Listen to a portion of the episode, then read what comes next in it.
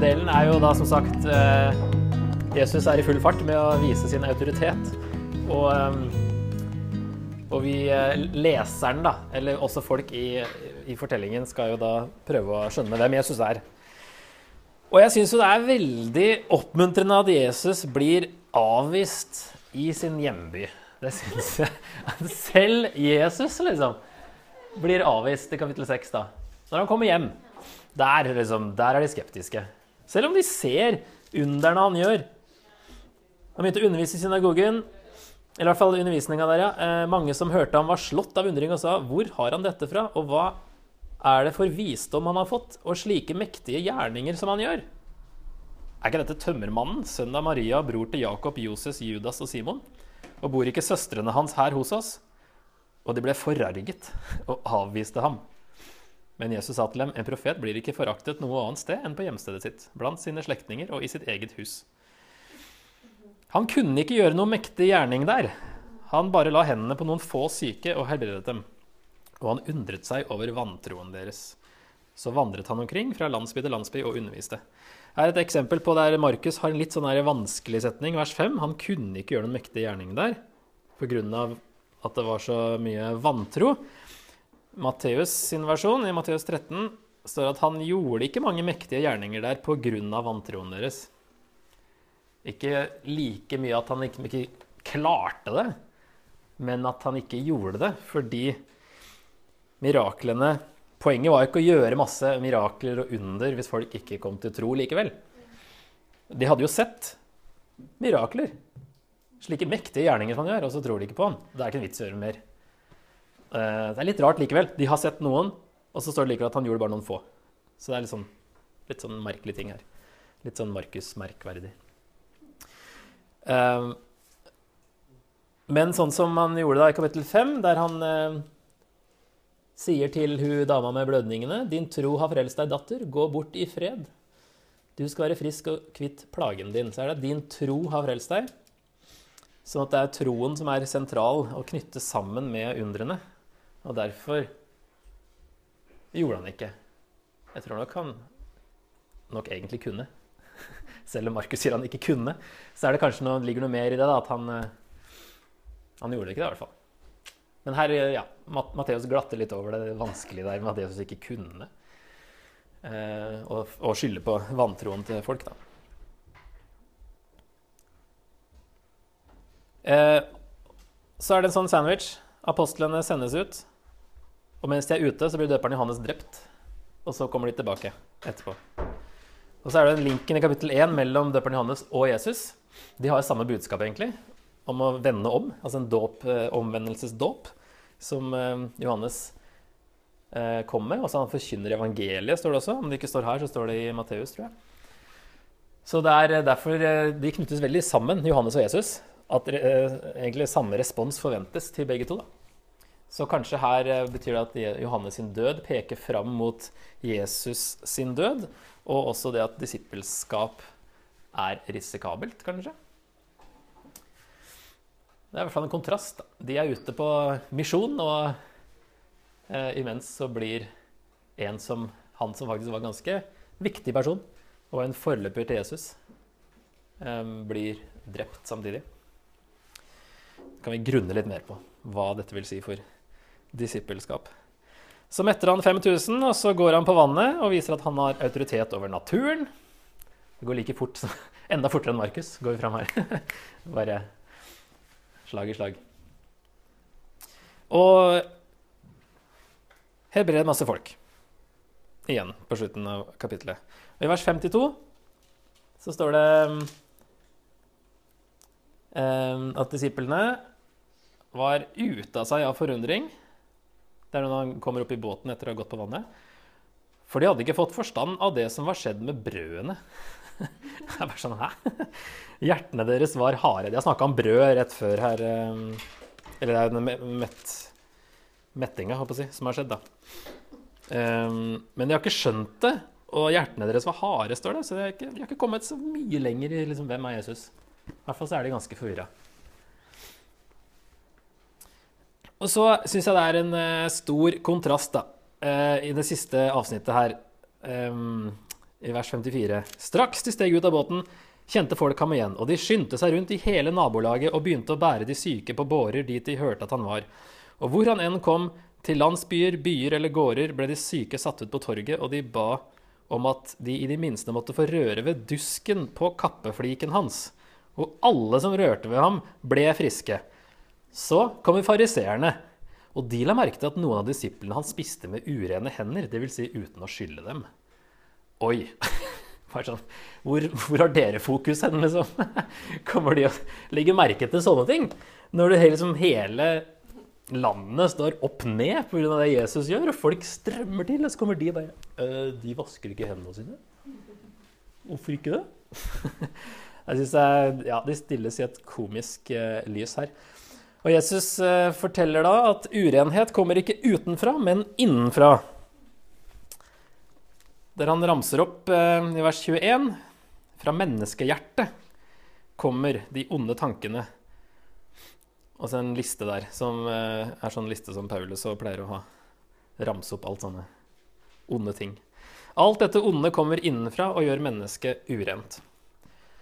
Så det handler ikke om ytre renselsesgreier, men hjerte. hjertet. Og så det første han gjør etterpå, så brøt han opp derfor og dro til Tyros-området. Han drar direkte til hedninger, som er liksom sett på som urene. Syns det er litt interessant. For å liksom demonstrere det enda mer. At det har ikke noe å si, det her utvendige. Og der, så Tyros, da, så helbreder han eh, datteren til en hedensk kvinne. Og i Dekapolis, som er neste, der helbreder han en døvstum. Det er også eh, hedningeland. Så i kapittel 8 metter han 4000. Og så kommer han tilbake igjen til det står Dalmanuta. Altså I Matteus står det Magadan. Det regner man er rundt Genesaretsjøen på vestsida. Så har han kommet inn igjen på jødeområdet. For der er det fariseere, og der blir det konflikt. Og så snakker de om brød og surdeig med disiplene. Og de skjønner ikke. Hva er dette her?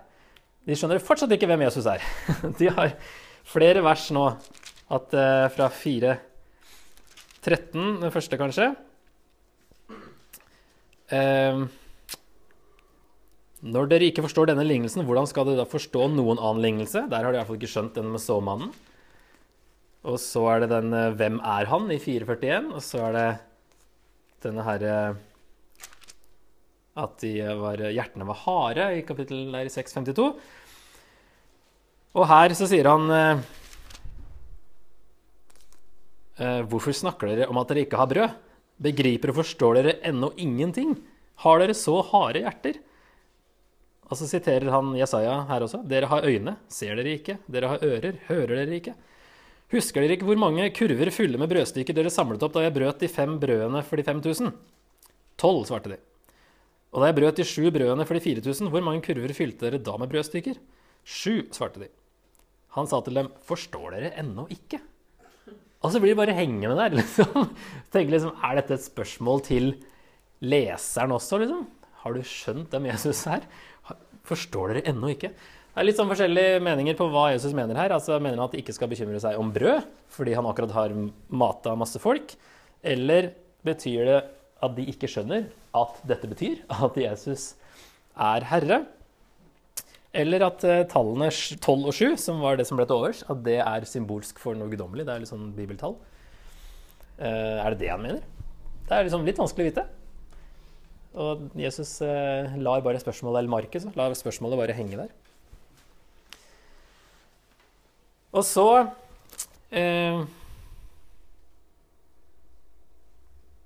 Jeg syns vi går litt tilbake til de fariseerne igjen, som eh, settes i en ny kontrast med Rett etter at han har eh, metta de 4000, så kommer det i vers 11. Fariseerne kom og ga seg til å diskutere med ham. For å sette ham på prøve ba de ham om et tegn fra himmelen. Så har han ikke gjort annet enn tegn i hele boka så langt. Og så skal de få et tegn fra himmelen. Da sukket han dypt og sa, 'Hvorfor krever denne slekten et tegn?' Sannelig, jeg sier dere, aldri skal denne slekten få noe tegn. Dermed gikk han fra dem, steg i båten igjen og dro over til den andre siden. Bare Nei, gidder jeg ikke. Dere vil jo ikke se. Dere, dere, ser jo ikke, ikke sant? Dere er blinde. Det er ikke noe vits å gi dere noe tegn.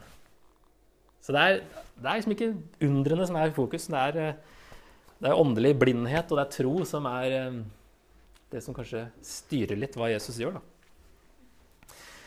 Og så er det den rare historien om at han helbreder en blind mann i to stadier. Er det sånn at Jesus ikke kunne gjøre det med en gang? Det gjør han jo senere.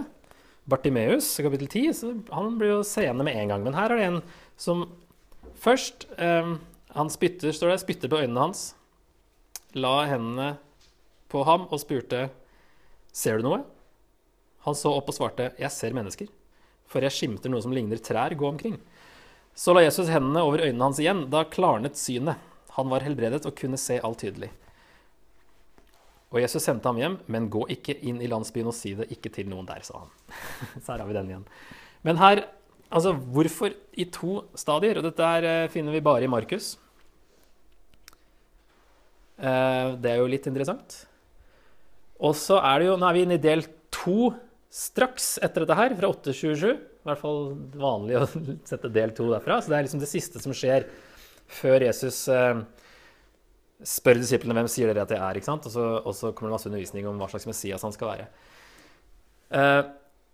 Så det her er rett før den delen. Og den andre blinde mannen, Bartimeus, han blir helbreda i slutten av denne delen. Så på en måte så er denne undervisninga om Messias har eh, helbredes av en blind mann før og etter. Den blinde mannen først i to stadier, blinde mann etterpå i bare sånn med en gang. Noe annet som er litt sånn interessant, er at det er åtte ord for å se i ni forekomster i fem vers. Det er masse forskjellige ord for å se i denne lille teksten her. Eh, og Vanligvis så taler Jesus med autoritet, og her stiller han et spørsmål. Ser du noe? Og så er jo det vers 23. Det spørsmålet 'ser du noe?' kan vi se på som en parallell til vers 17 til disiplene. Begriper og forstår dere ennå ingenting? Dere har øyne, ser dere ikke? 17 og 18.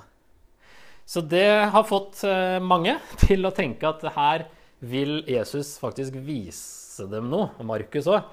Altså, Han gjør det med vilje. I to stadier. Og at det peker framover mot det som kommer til å skje neste det neste som skjer. da. Og at Jesus kan hjelpe disiplene fra, til å gå fra blindhet, som de akkurat har så Dere skjønner jo ingenting, til å se hvem han er. Som eh, når vi kommer til Bartimeus, så, så står det at eh, Straks kunne han se, og han fulgte Jesus på veien. Så da har vi kanskje kommet til liksom nå har, i, i, de kapitlene her, da, 8, 9, 10 og ja, til slutten av 10, så har de skjønt mye mer av hvem Jesus er. Og det neste som skjer, er jo dette her eh, vendepunktet i Markus. Og dette blir veldig viktig, så jeg håper jeg rekker å se litt på det. For nå, fra vers 27, har jeg faktisk eh, hele teksten her med litt sånn fargekoding osv. 27 til 38. Jesus, begynte, altså, Jesus og disiplene dro ut til landsbyene ved Cesarea Filippi. På veien spurte han disiplene, 'Hvem sier folk at jeg er?' De svarte, 'Døperen Johannes, men noen sier Elia, og andre en av profetene.' Og dere spurte han, 'Hvem sier dere at jeg er?' Da svarte Peter, 'Du er Messias.' Men han forbød dem strengt å snakke om ham til noen. Jesus begynte å lære dem menneskesønnen må lide mye og bli forkastet av de eldste, overprestene og de skriftlærde. Han skal bli slått i hjel, og tre dager etter skal han stå opp. Dette sa han i åpenhet. Da tok Peter ham til side og ga seg til å irettesette ham. Men Jesus snudde seg, så på disiplene og sa strengt til Peter.: Vik bak meg, Satan. Du har ikke tanke for det som Gud vil, bare for det som mennesker vil. Så kalte han til seg både folket og disiplene sine og sa til dem.: Om noen vil følge etter meg, må han fornekte seg selv og ta sitt kors opp og følge meg. For den som vil berge sitt liv, skal miste det. Men den som mister sitt liv for min skyld og for evangeliets skyld, skal berge det. Hva gagner det et menneske om det vinner hele verden, men taper sin sjel? Og hva kan et menneske gi som vederlag for sin sjel? For den som skammer seg over meg og mine ord i denne utro og syndige slekt, skal også menneskesønnen skamme seg over når han kommer i sin fars herlighet sammen med de hellige engler. Så her er de helt nord. Eh, Cesarea Filippi. Det er to cesareer. Det er en ikke så langt fra Jerusalem, og så er det en helt i nord. Egentlig et sånn hedensk område for det meste, der de bl.a. tilba en gud som het Pan, som var sånn halvt menneske og halvt geit. som liksom hadde sånn helligdom for han der.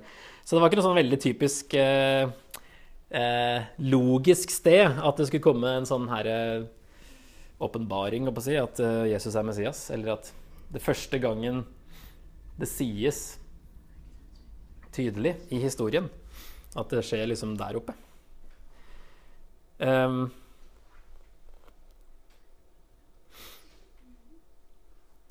og i 441 så spurte disiplene hvem er han? Og nå spør Jesus liksom, hva har dere kommet fram til? Hvem er jeg? Først, hva, hva, hva sier folk at jeg er, og hva sier dere? Så det er forskjellig. Det var jo, de holdt han jo høyt, da. Folk som sier at han var døperen Johannes. Eh, det trodde jo Herodes, annet, fordi han da mente at han var stått opp fra de døde, og derfor kunne han gjøre mirakler. Noen sier Elia, som eh, knyttes egentlig helt tilbake til det vi så på fra Malaki. Malaki 3 og 4. Så Ehm, og litt senere forklarer Jesus at, og enda tydeligere i Matteus, at det er døperen Johannes som er Elia, som skulle komme før Gud sjøl kom. Um, så det er sånn, Elia, de forventa et eller annet Ut fra Malaki 3 og 4 så forventa de at Elia, en eller annen Elia-person skulle komme før liksom, Messias kom. Men han har allerede, allerede, kommet, sier Jesus da, senere. Og en av profetene fordi Moses hadde sagt at uh, det skulle komme en profet som meg i 5. Mosebok 18. Um, så de venta på litt av hvert. Og derfor har de litt forskjellige tanker om hvem Jesus er. Men likevel så er det som gamle kategorier igjen. ikke sant? Men Jesus er selveste Messias, så han er uh, noe nytt. Um, så høres det ut som at, at Peter svarer riktig. Da. Du er Messias. Men når Jesus begynner å snakke om lidelse, så skal faktisk eh, Peter irettesette Jesus. Jesus, nå tar du feil. Det er ikke sånn Messias er. Eh, så det er eh, først Jesus som forbyr strengt, og så er det Peter som irettesetter, og så er det Jesus som sier strengt. Så det er en del sånn irettesetting fram og tilbake her. Um, og faktisk så strengt at uh, si, vi gikk bak meg, Satan. Så um, Peter er litt som han eh, blinde mannen i to stadier. Han har skjønt noe. Du er Messias, men har ikke skjønt hva slags Messias. Så det kan være at det er det som ligger i det her. At det peker fram mot dette her, og videre utover at de skjønner mer og mer. Mm. Har det noe med måten jødene leste måte, hvem Messias skulle være på? Var det det at det, var det liksom at det leste på en annen måte? Det, det brukes jo veldig mye sånn militærmetaforer, ser vi i lys av Jesus at det var metaforer. Eh, med, der han beskrives jo som en militær konge mm. i Gammeltestamentet. Så det er, ikke, det er ikke så høl i huet å, å tro det. Mm. Um, men så er det andre, sånn Jesaja 53 f.eks. Det ble ikke tolka messiansk fordi man skulle ikke lide. Så de har luka ut litt, kanskje, og fokusert bare på det triumferende. Og ikke på alt som eh, Gammeltestamentet snakka om. Men eh, det er jo helt klart Hvis du leser mye Gammeltestamentet, så, så, synes, ja, så får du liksom et, litt mer forståelse av hvor, hvorfor de tenkte sånn. Dette er første gang han sier at han skal lide og dø, i 8.31. Så sier han det i 9.31 og i 10.33. Det var nesten. Det var veldig lett å huske på, men nesten. Så det er tre ganger nå i denne, denne delen her at han uh, fokuserer på det og forklarer mer da hva som skal skje. Så er det jo det her med å ta opp sitt kors. Det er jo noe som uh, vi finner i alle evangeliene. Og to ganger i Matteus og Lukas. Er, jeg tror ikke det er noe annet Jesus sier som blir nevnt så mye. Eller et, et sitat da, som kommer igjen så mange ganger. Så det her er veldig sentralt for hva det vil si å være en disippel. Å ta opp sitt kors eh, var nok litt mer sånn her. At du bar den tverrbjelken på vei til henrettelsesstedet gjennom folkemengden som eh, spytta og eh, skal jeg si mobba på veien. Um, og du visste at nå går, nå går, jeg mot min død, og jeg blir uh, eh, mishandla på veien. Um, så det er litt mer historisk riktig å fremstille det sånn enn at uh, selv om Jesus her kommer Han kommer jo bærende på hele korset. Det er litt typisk at Jesus har hele korset, mens de andre har bare tverrbjelken. Og det varierer veldig i sånne Jesus-filmer. Uh, men det er veldig sånn, typisk å fremstille Jesus litt annerledes enn de andre. Men jeg tror nok det er mest sånn Jesus snakker om, at uh, dere må være villige til å ta på dere den bjelken og gå mot det som kan bli deres død, sånn som han sjøl gjorde. Dette er litt, litt det her med liv og sjel. Det er jo egentlig samme ordet um, på gresk og hebraisk. Psyke. Sånn at, eh, men Det oversettes litt forskjellig her, men jeg eh, skal ikke henge oss opp i det. Det handler egentlig bare om å være villig til å gi sitt liv for Jesus, da, om det kommer til det. Og at det er viktigere enn å vinne hele verden. Hvis du taper din sjel. Det er litt sånn vanskelig å vite hvordan man skal oversette sånne ting når eh, ordet kan bety begge deler.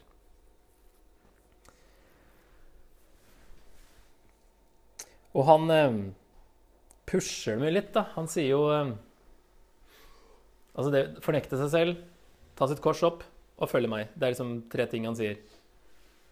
Fornekte seg selv, ta opp sitt kors og følge Jesus i døden om det skal være. Eh, for den som vil berge sitt liv, skal miste det, men den som mister sitt liv for min skyld for evangeliets skyld, skal berge det. Så det er liksom umulig å være nøytral, egentlig, når det gjelder Jesus da, og disippelskap. Det var en bok som het um, 'Radical Disciple', et eller annet sånt noe. Men egentlig er jo all discipleship er radical, ut fra Jesus sier her. Det er ingen disipler som ikke kan være radikale og ta det så seriøst og være villig faktisk til å gi overgi alt til Jesus. Hvem er han som kan si sånne ting, da? Hvem er Jesus? Og det er sånn her, Ja, han var en god lærer, og han sa mye bra. og sånne ting. Så ser du på de tingene han sier her om at Herlighet for en fyr. Om ikke han var Gud, så var han i hvert fall full av seg sjøl, si. Men uh, han krever alt, altså. Um, etter det så går det rett på denne transfigurasjonen, som det heter på engelsk i hvert fall. Der de får se Jesus uh, i sin herlighet, er nå overskriften. Før så var det vel på Forklarelsens berg. Jeg vet ikke om ting ble så forklart, men uh, nå står det i hvert fall at de får se Jesu herlighet. og Det skjønner vi litt mer av.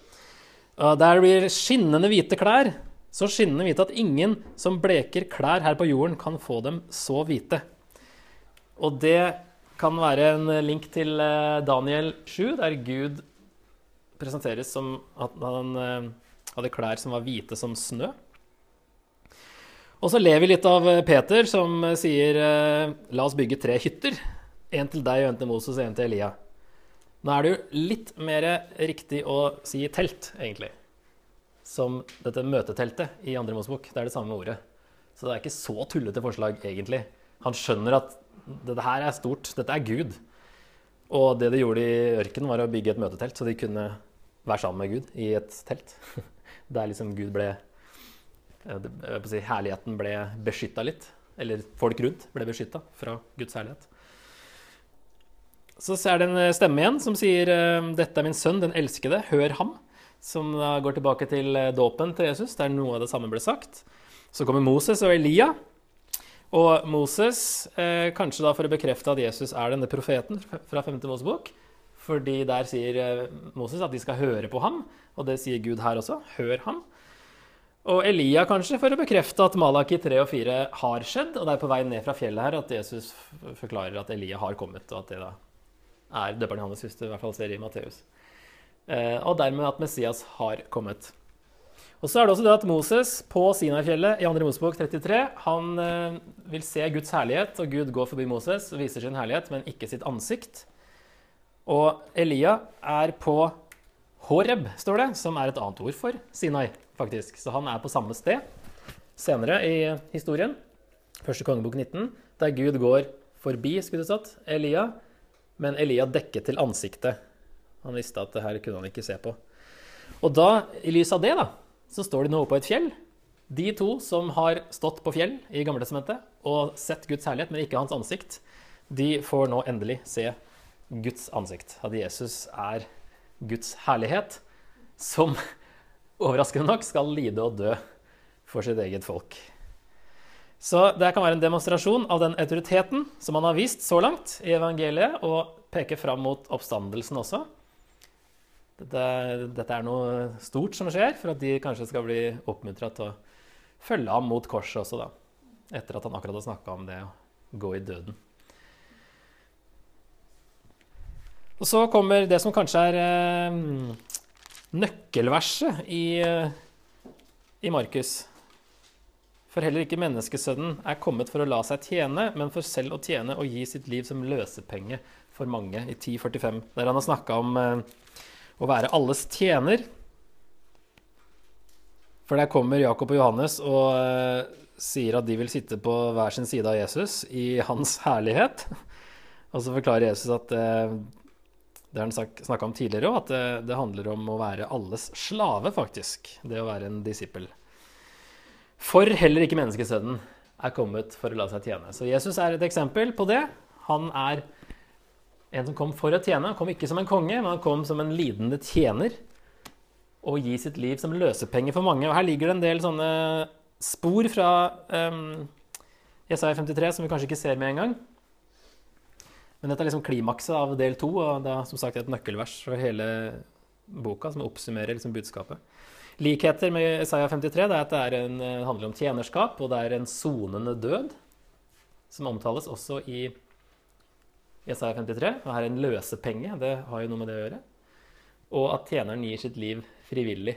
Og Jesus er kommet for å gi sitt liv. Løsepenge korresponderer med det ordet som står 'skyldoffer' i Jesaja 53. Og så er det et sånt uttrykk 'for mange', som, som også er en sånn link, um, selv om det tenker vi kanskje ikke over. Men uh, også i nattverden, i innstiftelsen av nattverden, så sier Jesus i 1424 der at han gir sitt uh, uh, Ordrett. Uh, Dette er mitt blod, paktens blod, som blir utøst for mange. tenker man nå at der òg er det en sånn veldig skjult eh, henvisning til Jesaja. Og så er det et sitat senere òg, i 1528, der det står han ble regnet blant lovbrytere, som er fra Jesaja 53, 12. Så det å følge Jesus betyr ikke status, som Johannes og Hvem var det? Jakob? Jakob og Johannes, ja. Som de trodde. Og de skulle sitte hver sin side av Jesus. Men eh, hvis du følger Jesus, så skal du tjene alle og eh, kanskje dø. Så kommer han til del tre, da, endelig, og vi har 20 minutter igjen. Så eh, det kommer til Jerusalem, kapittel 11. Og her blir det mye sånn derre Det blir en sandwich som er veldig interessant, og så blir det kanskje litt mer enn det òg. Eh, for her går det sånn vekselvis mellom tempel og fikentre, tempel og fikentre og tempel i kapittel 11. Og egentlig er tempelet i fokus hele veien i kapittel 11, 12 og 13. Og hvis vi da luker ut den midterste, da, fra eh, vers 12 til vers 26, så har da Jesus eh, forbanner dette fikentreet. Og så på vei Eh, eh, er det på vei eh, ja, til Jerusalem, ja. Så kommer de inn i tempelet, og han renser tempelet. Så går de ut igjen, og morgenen etter så ser de at det fikentreet har visna. I Matteus så skjer det med det samme, og disiplene bare oh, åssen klarte du det? liksom? Det visna med en gang. Mens her har det Vi vet ikke hvem av dem som da, om Matteus har trøkka sammen historien, som var helt uh, greit. Og de gjør masse sånne ting. At de um, trøkker sammen, eller sånn som kanskje Markus her da har lagd det til en sandwich. Vi vet ikke helt hva som var originalen. Men uh, det var sånn man tok seg friheter, og det var greit. I den type Eller på den tida så var det sånn det var ansett som veldig god skriving, da, når man gjorde sånne grep.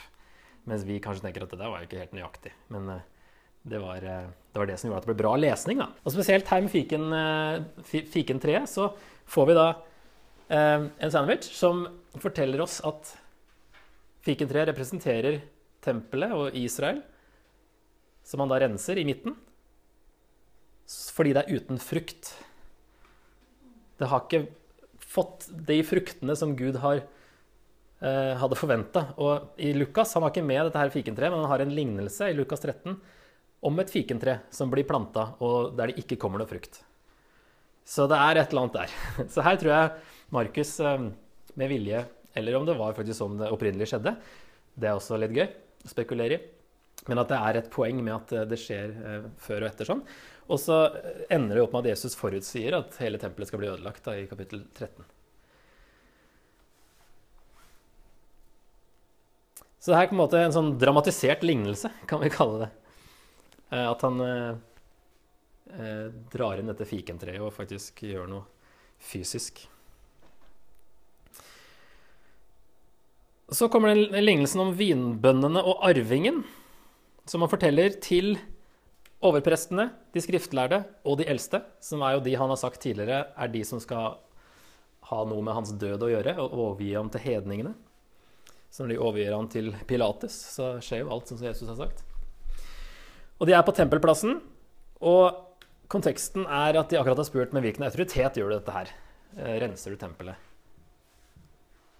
Og så vil Jesus ikke først svare, fordi de ikke vil svare på om eh, Johannes eh, var en profet. Vi vet ikke, sier de liksom. Nei, da gidder ikke jeg å svare heller, med hvilken fullmakt jeg gjør dette. Så det er en veldig link mellom Johannes og Jesus her også. Han snakker om en vinmark, en vingård. En mann plantet en vinmark og satte opp et gjerde rundt den, hogg en vinpresse og bygde et vakttårn. Så forpaktet han den bort til noen vinbønder og reiste utenlands. Da tiden kom, sendte han en tjener til bøndene for å få sin del av avlingen. Men de grep ham, skamslo ham og sendte ham tomhendt bort. Siden sendte han en annen tjener til dem. Ham slo de i hodet og hånte. Sendte, da sendte han enda en. Ham slo de i hjel. Og slik med mange andre. Noen skamslo de, og noen drepte de. Nå hadde han en eneste igjen, sin egen kjære sønn. Til sist sendte han sønnen til dem, for han tenkte, sønnen min vil de vel ha respekt for. Men vinbøndene sa til hverandre, der har vi arvingen, kom, la oss slå ham i hjel, så blir arven vår.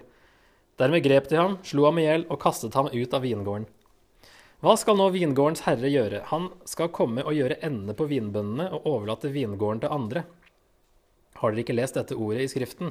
Steinen som bygningsmennene vraket, er blitt hjørnestein. Dette er Herrens eget verk, underfullt er det i våre øyne. Da ville de gjerne ha grepet ham, for de skjønte at det var dem han siktet til med denne lignelsen. Men de var redde for folket, så de forlot ham og gikk sin vei. Så denne vingården det er et bilde som hentes fra Jesaja 5, der eh, det forklares at det er Israels hus. Og vintrærne er menneskene i Juda, en sånn parallellisme. da. Det egentlig sies bare at vingården er Guds folk. Eh, og den blir liksom et bilde på Israel i mange sammenhenger. Også andre steder i Gammeltestamentet og i rabbinsk litteratur. Og der i Jesaja 5 så har Gud gjort alt han kan for å få en avling, og når ingenting fungerer, så bestemmer han seg for å ødelegge vingården. Og det er jo dommen som kommer med, babylonerne og asyrerne osv. Så, det er bakgrunnen, og så tar Jesus og um, eh, vrir bitte litt på det. At her er det ikke vingården som er problemet, men det er vinbøndene. Eh, det er de Det er jo lederne han snakker til. De skjønner at det er han de har snakka til. Så det er jo de som er vinbøndene, de dårlige lederne. Som eh, Gud har sendt Gud har gjort alt. Ikke sant? Han har plantet, satt opp et gjerde, hogget en vinpresse, bygd et vakttårn. Han Har gjort alt som skulle til. Og så overlater han ansvaret til disse eh, lederne. Og så sender han masse tjenere, kanskje profeter i Gammeltestamentet. Og de, det er jo en tradisjon eh, som nevnes, så at de har drept alle profetene Gud sendte. De vil ikke høre på noen av dem. Og til slutt så sender Gud da sin egen kjære sønn, og vi skjønner jo hvem det er. Eh, fordi det er Gud som er liksom eieren av vingården her. Um, og så virker det som de tenker at, at hvis vi slår i hjel arvingen, så blir vingården vår? Altså fordi Gud er død, eller? At Gud kommer aldri tilbake sjøl? Altså de, om de lever som om Gud er død? De har i hvert fall eh, i hvert fall glemt Gud i denne historien. Um, så den er um, Ja, og poenget er jo ikke at um, Guds rike gis til hedningene, som vi kanskje ofte plutselig tenker her. At det gis fra jødene til hedningene. Poenget er at uh, lederskapet skal overlates til noen andre. Og det er jo det, det nye Israel, til apostlene og andre kristne ledere, som skal overta lederskapet her av Guds folk. Da. Fordi de eh, jødiske lederne hadde virkelig ikke gjort jobben sin.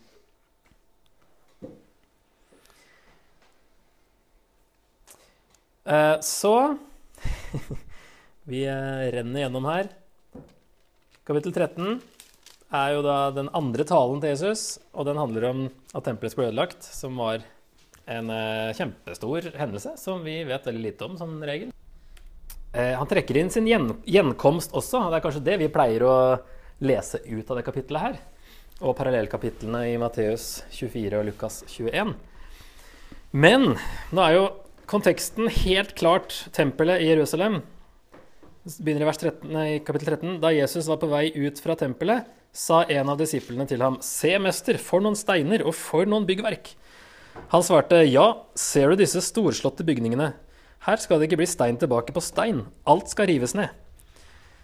Da han satt på Oljeberget rett overfor tempelet, og Peter, Jakob, Johannes og Andreas var alene med ham, spurte, ham, spurte de ham, Si oss, når skal dette skje, og hva er tegnet på at alt dette skal fullbyrdes? Så her er jo spørsmålet er jo når skal dette skje, og hva er tegnet på at alt dette skal fullbyrdes? De tenker jo bare tempelet. Matteus har eh, litt lengre spørsmål, der du får inn liksom Jesu gjenkomst også. Men her i Markus så, så er det bare tempelet, og det er jo det som er hovedtemaet som Jesus i hvert fall må svare på. Han kan ikke plutselig bare snakke om sin gjenkomst og bare ignorere spørsmålet om tempelet. Som vi kanskje ofte leser denne talen som, da, at alt handler om gjenkomsten. Så når han eh, snakker om eh, mange som kommer med mitt navn og sier 'det er jeg', hører om rykt, eh, rykt, nei, hører om kriger og det går rykter om krig, la dere ikke skremme. Enden er ennå ikke kommet. Folk skal reise seg mot folk og rike mot rike. Det skal være jordskjelv, det skal være hungersnød osv. De skal utlevere det til domstolene, de skal piske dere. Og evangeliet må først forkynnes for alle folkeslag. Eh, men den som holder ut til enden, skal bli frelst. Nå bare hoppa jeg litt nedover her. Så fra vers 5 til 23, egentlig videre òg. Når de ser det motbydelige som ødelegger, stå der det ikke skulle stå. Forstå det, den som leser. Da må de som er i Judea, flykte opp i fjellene. Her snakker han hele veien om dere. Eh, når dere ser, og når dere opplever det her Om noen da sier til dere 'Se, her er Messias', eller 'Se, her er han'. Eh, så min tolkning, og mange andre sin, er at han snakker om tempelets ødeleggelse helt eh, til og med vers 23, der han avslutter med å si 'Vær på vakt, jeg har sagt dere alt på forhånd' som er liksom svar på det spørsmålet deres om når skal dette skje, og hva skal tegnene være. Og når evangeliet skal ut til hele Eller til eh, alle folkeslag, så bør og kan det forstås som at eh, det skal ut til hele Romerriket før år 70. Som eh, Paulus i 2. Timoteus og i Passenseringer 2 også, så snakker de om hedningene, alle folkeslag, ja, på, øh, på, pinsedag så er det for, jøder fra alle folkeslag er der. Og Paulus sier andre Timoteus òg at øh, Det er jo siste brevet han skriver. Og han sier øh, 417 var det, ja. Herren var med meg og ga meg styrke til å fullføre forkynnelsen, så alle folkeslag kunne få høre. Så Paulus, på slutten av sin, sitt liv, han har vært rundt i hele Romerriket, og her sier han nå at hele skaperverket har hørt i kolosserne. Eh, så, så, omtaler han det her som at hele verden, altså hele Romerriket, har hørt evangeliet. Og det er jo på begynnelsen av 60-tallet, så det passer jo da inn i dette her. 1.6 i kolosserne, så står det eh, Som i hele verden ellers har evangeliet båret frukt og utbredt seg også hos dere. Og i vers 23 evangeliet har dere hørt, for det er blitt forkynt for alle skapninger under himmelen. Så det, de tenker veldig universelt om eh, Romerriket, som var den kjente verden. Eh, og det motbydelige som ødelegger, det Når du leser Lukas 21, så står det når dere ser Jerusalem omringet av hærer. Da forklarer han det veldig enkelt og greit. Når romerne kommer altså Det var mange ting som skulle lede opp til Dette er den jødiske krigen som skjedde på slutten av 60-tallet, som endte med at romerne kom og satte ned foten og ødela tempelet. Og siden har det jo ikke blitt oppbygd. Sånn at eh, eh, Lukas er mye mer forståelig, så i Lukas 21 så blir det plutselig et helt annet bilde. Eh, der han sier at når dere ser disse tingene skje, og Jerusalem omringet av fiender eller hærer, så må dere flykte opp i fjellene. Og det var det også en, en gammel tradisjon som sier at eh, de kristne skjønte dette her, og de, de stakk til en by som het Pella, som lå oppe i fjellene. Og de unngikk da denne krisa som skjedde når romerne kom. Eh, I neste, da, fra 24 til 27, så snakker han om tegn i forbindelse med sin gjenkomst. Da snakker han om de. Han skifter fra dere til de. Og virker sier at eh, hans gjenkomst kommer ikke til å skje før tempelet er ødelagt. Etter tempelet er ødelagt, da kan det skje når som helst. Eh, og så går han tilbake igjen i eh, vers 28. Snakker om fikentreet som han hadde som var innom i stad. Når dere ser Lær en lignelse av fikentreet. Når dere får sevje greinene og skyter blad, da vet dere at sommeren er nær. Slik skal dere også vite når dere ser dette skje, og da virker det som at han eh, tenker på alle de tingene han har snakka om her oppe. Når dere ser det her skje, så vet dere at gjenkomsten står for døren. Den kan skje når som helst. Ikke dermed sagt at den skjedde rett etterpå, men når som helst. Og så sier han Sannelig, sier dere, denne slekten skal ikke forgå før alt dette skjer. Det passer også veldig bra inn i dette her, at dette, år 70 skjedde jo 40 år etter år 30, som er ca. når Jesus sier det. Og en generasjon, eller en slekt som det oversettes her, da, men det betyr jo egentlig en generasjon. Slekters gang. Um, det var jo 40 år, som var ofte det man tenkte på som en generasjon. Så det passer jo veldig bra med at Jesus eh, sier at tempelet skal falle innen en generasjon. Eh, og det betyr at gjenkomsten kan skje når som helst etter det. Men i motsetning til tempelets fall så vet ingen når gjenkomsten vil skje. Den dagen eller timen kjenner ingen. Ikke englene i himmelen, heller ikke Sønnen, bare Faderen. Mens det er hovedpoenget hans som han avslutter med, det er jo 'våk', som han sier på slutten her. Aller siste han sier, er 'våk'. Det vil si, vær alltid klar for når jeg kan komme igjen. Men jeg sier dere at eh, enden kommer ikke med en gang. Eh, når tempelet blir ødelagt, så betyr ikke det at enden kommer med en gang, sier han. Eh, enden er ikke ennå, i vers 7. Så det, det, er litt forskjellig hvordan man ser på dette her, men jeg syns det gir veldig mening med at han eh, snakker ja, langt på vei om tempelets fall. Og så etter det så kan han komme inn når som helst. Han sier et annet sted, i Matteus 10, tror jeg, at eh, disiplene skal lengte etter å se menneskesønnens dager, men de skal ikke få oppleve det. Som da vil jo passe med det her at jeg kommer ikke i deres levetid. Og så vil han at alle skal være klar på at Jesus kan komme igjen når som helst. Etter år 70. Nå er klokka ni, så vi bare går litt over tida. Men eh, nå er vi kommet eh, uh, Ja, må ta veldig muntlig og raskt bare at det er en, en sandwich til i kapittel 14. Med, der Peter og Jesus er liksom i hver sin rettssak, selv om Jesus sin er formell. Samtidig så Peter er bare ute og varmer seg. Men kontrasten med at Jesus står foran de høyeste autoritetene og står fast Og så har du Peter som faktisk en Hva er det står, da? En uh, tjenerjente eller noe sånt? Det er liksom det minst farlige du kan tenke deg i forhold til det Jesus står foran. Så du har den uh, For det begynner um, vers 53. Så står det at Peter varmer seg ved bålet, og så fra 55 så er det Jesus, og så er det fra 66 igjen om, eh, om Peter. Så det skjer samtidig. De, er, de har sin rettssak samtidig. Og Jesus er jo da mye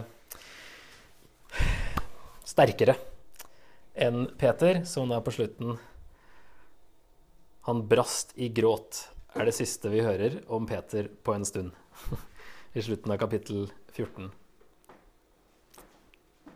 Så han er jo ganske fortvila mens kapittel 15 skjer. Eh, og Jesus, i, når han står i sin, eh, eh sitt, sin rettssak, så sier han eh, i vers 62 da blir han spurt er du Messias, sønn av den velsignede. Det knyttes jo Messias og Guds sønn sammen veldig tydelig. Jesus svarte 'Jeg er det'. Nå er han i hvert fall tydelig på at han er Messias. Han har ikke sagt det så klart før nå, men nå, liksom, nå går det riktig veien. Si. Dere skal se menneskesønnen sitte ved kraftens høyre hånd og komme med himmelens skyer. Og da henter han noe fra Daniel 7, der det står 'med himmelens skyer' kom en som var lik en menneskesønn. Og han får herskermakt, ære og rike, så alle folk og nasjoner og tungemål skal tjene han. Han får evig makt som ikke skal få gå. Hans rike går aldri til grunne. Det er derfor han har kalt seg menneskesønnen hele veien. er jo henta det her fra Daniel 7.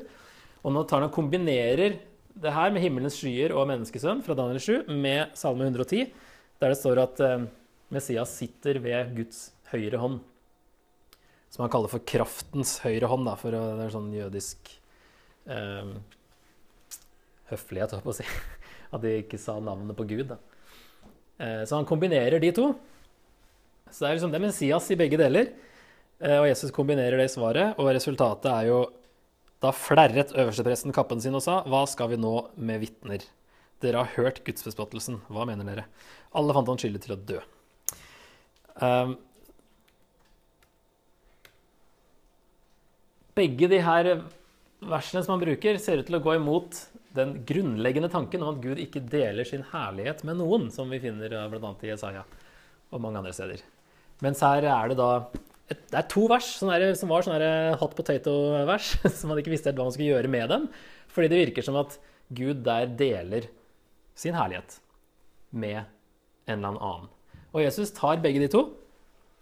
Som den første til å gjøre det. Det er i hvert fall lite spor av en Messias, eller en som så på seg sjøl som Messias, som, eh, på den tiden, som hevdet å være oppfyllelsen av Daniel 7 eller Salme 110. Og det er så godt som ingen spor av noen før Jesus som hevder å være oppfyllelsen av begge to. Så det er ganske kraftig, egentlig, det han sier her. Og det ser vi jo på reaksjonen. Så øverstepresten har jo helt rett i å anklage Jesus for blasfemi om han da faktisk ikke er Gud selv, bare med det lille han sier i rettssaken her. Jeg er det. Jeg er Messias, og du skal få se menneskesønnen komme i himmelens skyer sitte ved kraftens høyre hånd og komme med himmelens skyer.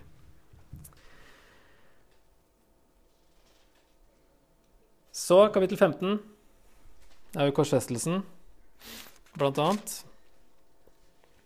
Eh, Jesus dør. Eh, det kommer et mørke ja, der han blir overgitt til hedningen, ja, som han hadde forutsagt. Um, det mørke kan jo være fra andre Mosebok. Den plagen, så det mørke. Før påskelammet slaktes og frelsen, altså utgangen, skjer. I så fall så knytter det jo til utgangen, sånn som det gjorde helt i starten, i Markus 1. Uh, ehm, uansett så er det sånn litt stusslig for Jesus å henge der.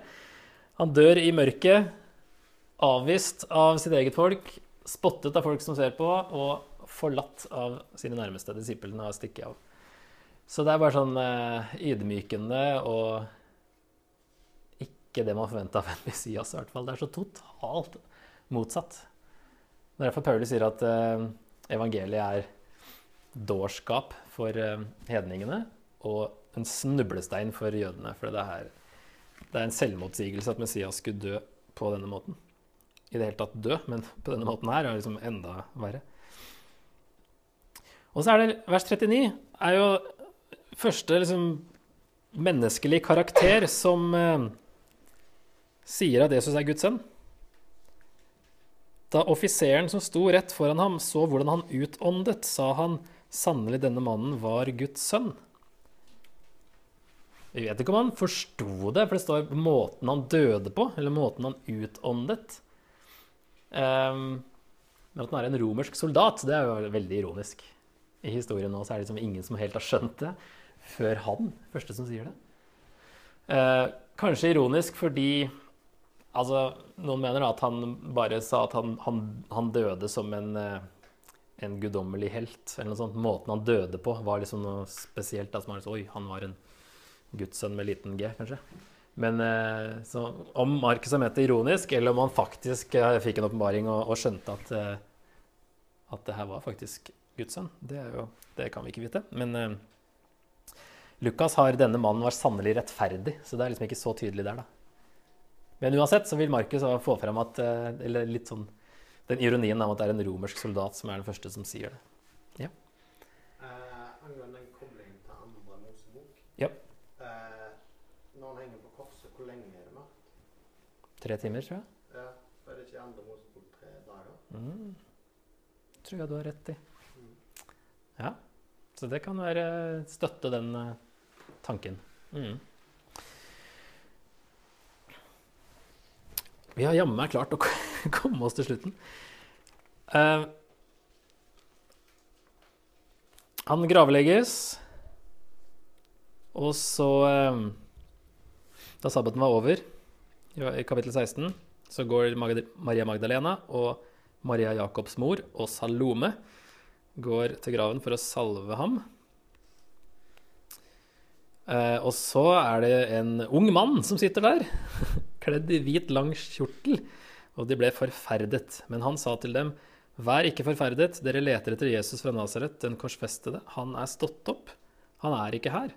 Se, der er stedet hvor de la ham. Men gå og si til disiplene hans og til Peter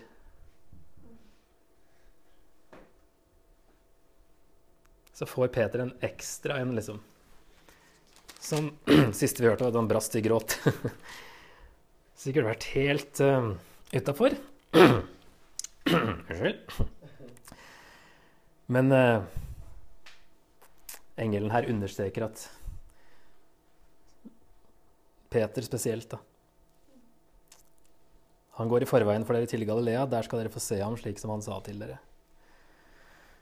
Da gikk de ut og flyktet bort fra graven, skjelvende og ute av seg. De sa ikke et ord til noen, for de var redde. Og der slutter faktisk de eldste håndskriftene. For det står en fotnote her fra vers 16. Versene mangler i de eldste Vers 9, mener jeg mangler de eldste håndskrifter. De er kjent av enkelte kirkefedre i siste halvdel av 100-tallet etter Kristus og finnes i yngre håndskrifter. En kortere avslutning finnes i andre yngre håndskrifter. Og den går sånn, men alt de hadde fått påbud om, fortalte de straks til dem som var sammen med Peter. Etter dette sendte Jesus selv gjennom dem ut til hellige og uforgjengelige budskap om den evige frelse fra øst til vest. Amen.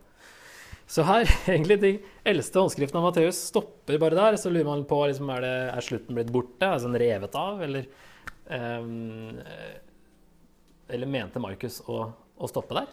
Og det er noen som har ment at det var en dårlig slutt, da, siden jeg finner finne på en annen slutt. Det er to andre slutter. Eh, mens eh, de eldste da eh, utgavene har at han stopper der. En veldig brå slutt. Men de var redde.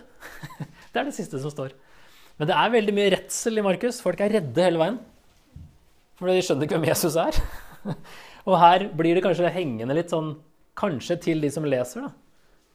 Uh, for ser, altså Markus har ikke med at de faktisk ser Jesus, at han har stått opp. Men du må liksom stole på engelen. Og det er kanskje et spørsmål eller litt sånn hengende til de som leser. da. Hva gjør du nå? Hva gjør du med dette her? Um,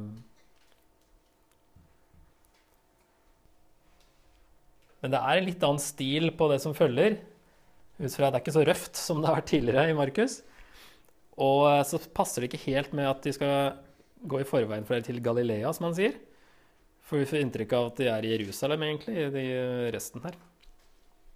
Så det er litt sånn eh, både tekst eh, manuskriptmessig og litt sånn indre kontekst, så er det ting som ikke passer helt. Det, og, og det er jo ikke noe hemmelighet at det her ikke er med i de eldste håndskriftene. Det står alltid forklart, i hvert fall i de fleste bibler, at det her er eh, sannsynligvis ikke originalen, den slutten. Ok, da har jeg noen spørsmål til slutt. Vi kan ta fire-fem minutter på det bare. Nå er vi langt på overtid, men eh, ellers får bare ta, ta det med dere hjem. Men uh, bare litt for å prøve å la det synke inn. Eh, disiplene trengte tid på å forstå hvem Jesus er. Har vi skjønt hvem Jesus er, eller trenger vi mer tid? Jesus kaller disiplene til å være sammen med ham og til å bli sendt ut. Husker vi på begge deler? Har vi overgitt oss helt til Jesus? Har vi etterlatt noe? Har vi tatt opp korset, klar til å følge ham hvor som helst? Og hvordan har du blitt oppmuntret av Markusevangeliet til å være en disippel av Jesus? Jeg trenger ikke å ta alle, men eh, plukk ett og snakk litt. Og så eh, Ja, så slutter vi veldig snart.